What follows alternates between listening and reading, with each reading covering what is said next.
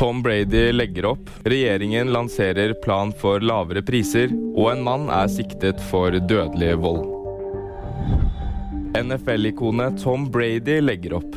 Den 44 år gamle quarterback-stjernen har vunnet Superbowl hele syv ganger og blir anerkjent av mange som tidenes beste spiller. Etter årets sesong er det definitivt slutt. Det sier han i en videohilsen på Twitter. Thank you guys for allowing me to live my absolute dream.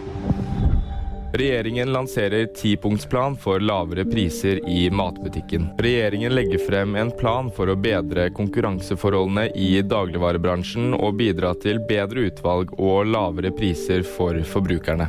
I dag økte prisene på en rekke matvarer. Hos Rema 1000 og Coop Extra har prisene økt med rundt 10 Full oversikt over hvilke varer som har økt, får du på vg.no. Mann er siktet for dødelig vold i Alta. En mann i 30-årene er siktet for grov kroppsskade med døden til følge etter at en mann ble funnet død natt til tirsdag. Den siktede ble pågrepet i sitt hjem i Alta samme dag. Det melder TV 2.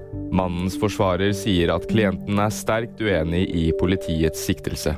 Og VG-nyhetene fikk du av meg, Markus Skåne.